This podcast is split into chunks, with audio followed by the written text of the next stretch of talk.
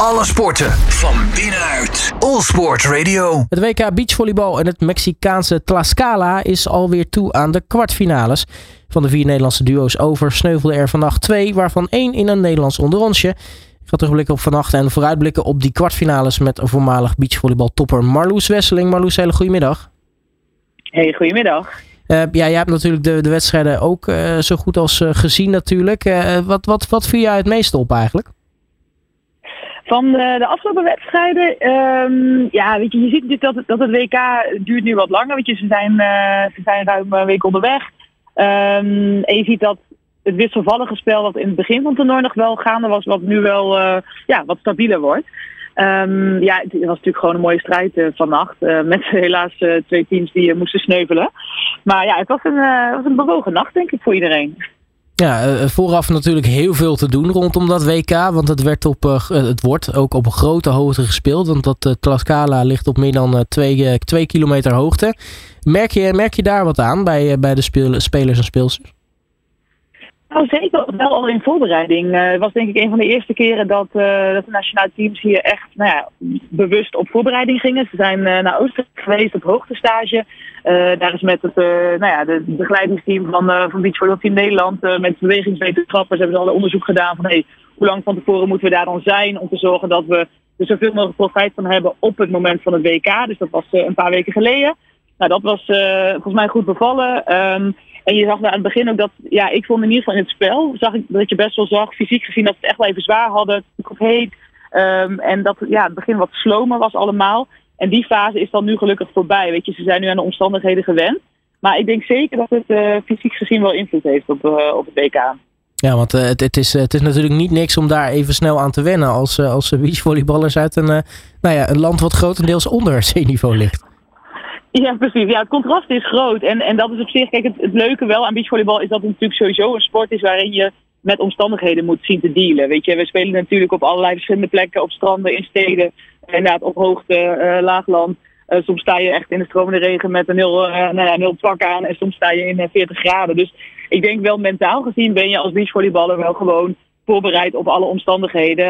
ja, hitte, maar natuurlijk ook de wind die altijd een grote factor is. Dus ze wisten wel dat dit ging komen. Maar goed, ja, je moet er wel mee om zien te gaan. Uh, maar goed, dan is het lekker dat een WK wat langer duurt en dat je wat tijd hebt om, om erin te komen. In ieder geval voor de twee teams die nu nog, uh, nog over zijn. Nou, we begonnen vannacht met, met vier teams. maar nou, er moest er sowieso al eentje sneuvelen. Want er was natuurlijk een, een broedertwist. Boermans de Groot speelde tegen Immers en Van der Velde. Ja, sowieso een, een fantastische wedstrijd op voorhand. Maar het werd uiteindelijk ook best wel een, rollercoaster, mag je eigenlijk wel zeggen. Ja, zeker. Echt een kraken van een, van een wedstrijd. Het, is natuurlijk jammer eh, voor Nederland in dit geval dat, dat uh, de drie overblijvende Nederlandse mannenteams, dat die natuurlijk allemaal in dezelfde ja, bracket zaten, allemaal aan de bovenkant van het speelschema. Dus die kwamen elkaar gewoon tegen. Um, dus dat was een beetje onvermijdelijk. Ze hadden elkaar zelfs nu natuurlijk nog weer tegen kunnen komen, maar ja, trouwens werd uitgeschakeld door de Zweden. Maar de, de onderlinge pot was inderdaad echt een kraken. En dat is ook wel een interessante, omdat je natuurlijk, uh, nou, het is best een rumoerige tijd geweest bij de mannen, ook afgelopen tijd veel blessures. Uh, en uiteindelijk zie je natuurlijk Boermans de Groot die nu weer ja, terug zijn. Boermans die na een lange blessure eindelijk weer in het veld kan staan. En uh, ja, zij spelen gewoon heel sterk. En Van de Velde immers een team dat nou ja, sinds het begin van dit jaar samenspeelt en ook al prima resultaten te pakken heeft. Dus ik, ik, ja, op voorhand vond ik het lastig om, om mijn geld in te zetten, moet ik zeggen. Nou, hoe typisch is het dan dat, dat uitgerekend Boermans Groot dan door zijn? Want die zijn van de drie Nederlandse duo's op het WK, uh, nou, mag je wel zeggen, de minst ervaren. Ja, klopt. Maar ze, nou ja, minst ervaren niet helemaal. Ja, ik denk een beetje vergelijkbaar met, met Van der Velde. Immers, kijk, Immers is natuurlijk nog ook een, een jongen die, eh, die voor het eerst op zo'n WK staat. Um, en Boermans Groot heeft, ja, ondanks dat ze nog niet eens zo lang samen spelen, omdat ze natuurlijk veel blessureleed hebben gehad, zijn ze wel, ja, als ze spelen, zijn ze gewoon wel erg goed. En uh, moet ik zeggen dat ik het wel knap vind hoor, dat na zo'n uh, ja, uh, wisselvallig seizoen met blessure van Jorik de Groot, toen we blessure van Boelmans, dat ze hier nu ja, zo staan. En ze hebben ook wel goede potten laten zien. Ze wonnen eerder een toernooi al van Qatar bijvoorbeeld. Dat is echt een sterk team. Ja, daar winnen ze gewoon echt dik van. Dus dat gaf wel aan dat zij wel in het toernooi aan het groeien zijn. En ja, het is uiteindelijk gewoon een mooie strijd geworden. En ik denk dat dat gezien de kansen ook verder in het toernooi, dat, ik, dat Boermans de Groot daarin ook wel het team is die, uh, die de meeste kansen heeft. Ja, zij komen twee Zweden tegen, David Aman en Jonathan Helvig. zij wonnen wel met duidelijke cijfers overigens van nou ja, Nederlands meester varen duo, Brouwer-Meeuwse. Um, wat voor wedstrijd was dat? Ja, dat was eigenlijk een redelijke walk-over. Um, kijk, Aman Helvig is een team dat is nu echt inmiddels een team waar je, waar je rekening mee moet houden. Dat waren een paar jaar geleden twee uh, jonge jongetjes waarvan iedereen dacht, oh, uh, grappig, waar komen die ineens vandaan? En uh, ja, ze zijn ogen heel jong en heel, ja, een beetje rank zijn ze, maar ze zijn fysiek echt super fit en sterk. Ze, ze, springen hoog, ze spelen een heel dynamisch spelletje. Eigenlijk een spel dat best wel voor wat, ja, een beetje disruptie heeft gezorgd in de wildtour. Zij spelen namelijk heel veel in uh, ja, in tweeslag. Dus normaal heb je natuurlijk bij volleybal een paas, een setup en een aanval. En zij spelen heel veel in een paas die direct uh, wordt door een aanval. Uh, het tweeslagspel. En daar hebben zij ontzettend veel dreiging mee. En dat is gewoon heel moeilijk om tegen te spelen. Um, ik moet zeggen dat ik eigenlijk had verwacht dat het een wel wat spannendere pot zou worden. Omdat vrouw Meeuwse ja, de afgelopen periode best wel goede wedstrijden tegen hun heeft gespeeld. Ook wel wat resets, wat spannendere potten. Maar ja, ze hadden eigenlijk gewoon weinig in te brengen. En ja, Amman Helvig is gewoon een team in vorm en is gewoon een van de, van de kandidaten voor de wereldtitel. Dus ja, het is ook zeker niet uh, um, een schande om van zo'n team te verliezen. Maar het, ja, ik had, had gehoopt en verwacht dat het wel een wat spannendere pot zou worden. Maar helaas uh, was dat niet het geval voor Brouwmeeuwsen. Nou ja, Aman Helvig is natuurlijk niet voor niets de nummer 2 van de wereld. Dus uh, op zich ja, geeft dat natuurlijk ook wel aan wat het niveau is. Um, ja, die komen dan uh, Boermans Groot tegen. Die, die hebben al verrast door, door Sherif Ahmed uit te schakelen uit Qatar. Zit er nog een verrassing in? Ja, je weet het niet. Nou, Boermans Groot is in dat opzicht wel een, een interessant team. Um, wat ik net al zei, ze hebben natuurlijk dus dat blessureleed gehad. Maar ze zijn wel op het moment dat ze ja, kunnen spelen, staan ze er gewoon echt.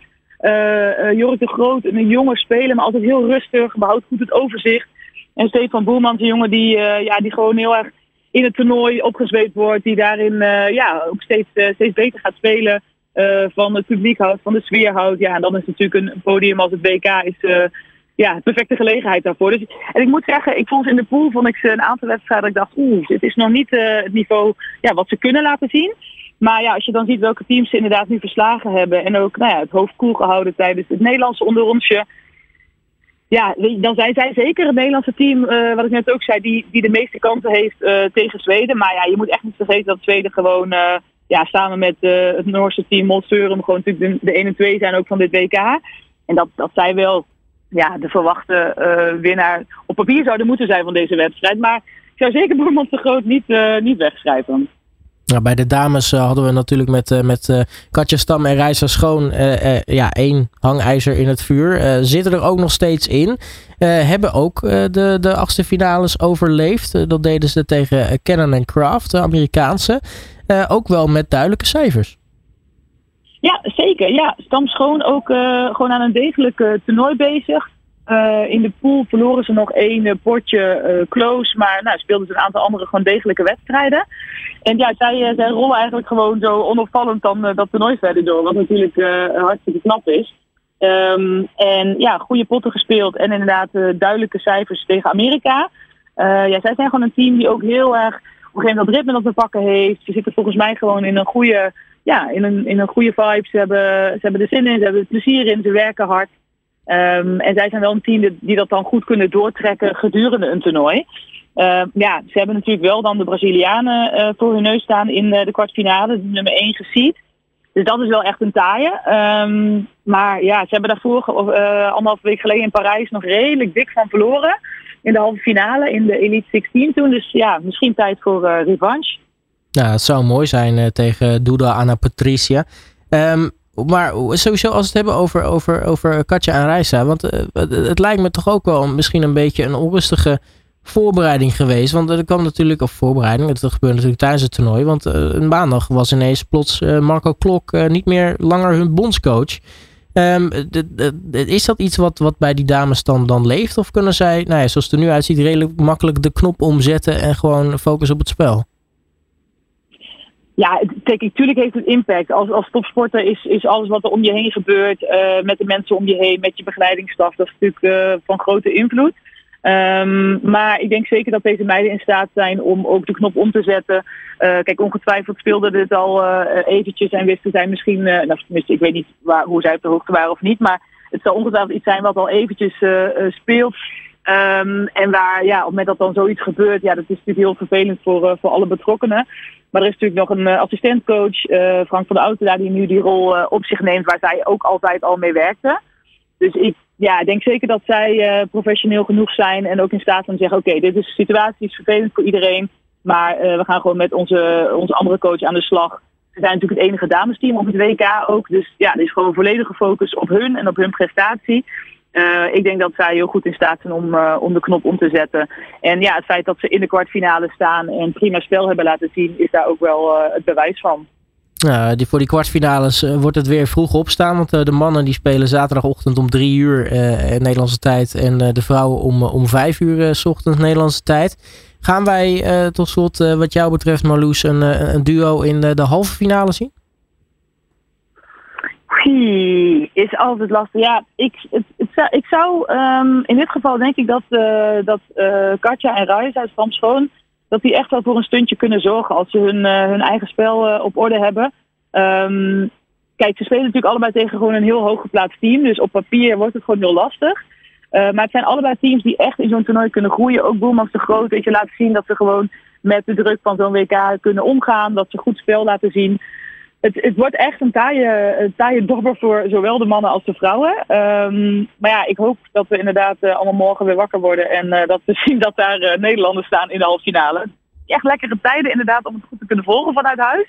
Iedereen moet, moet s'nachts op.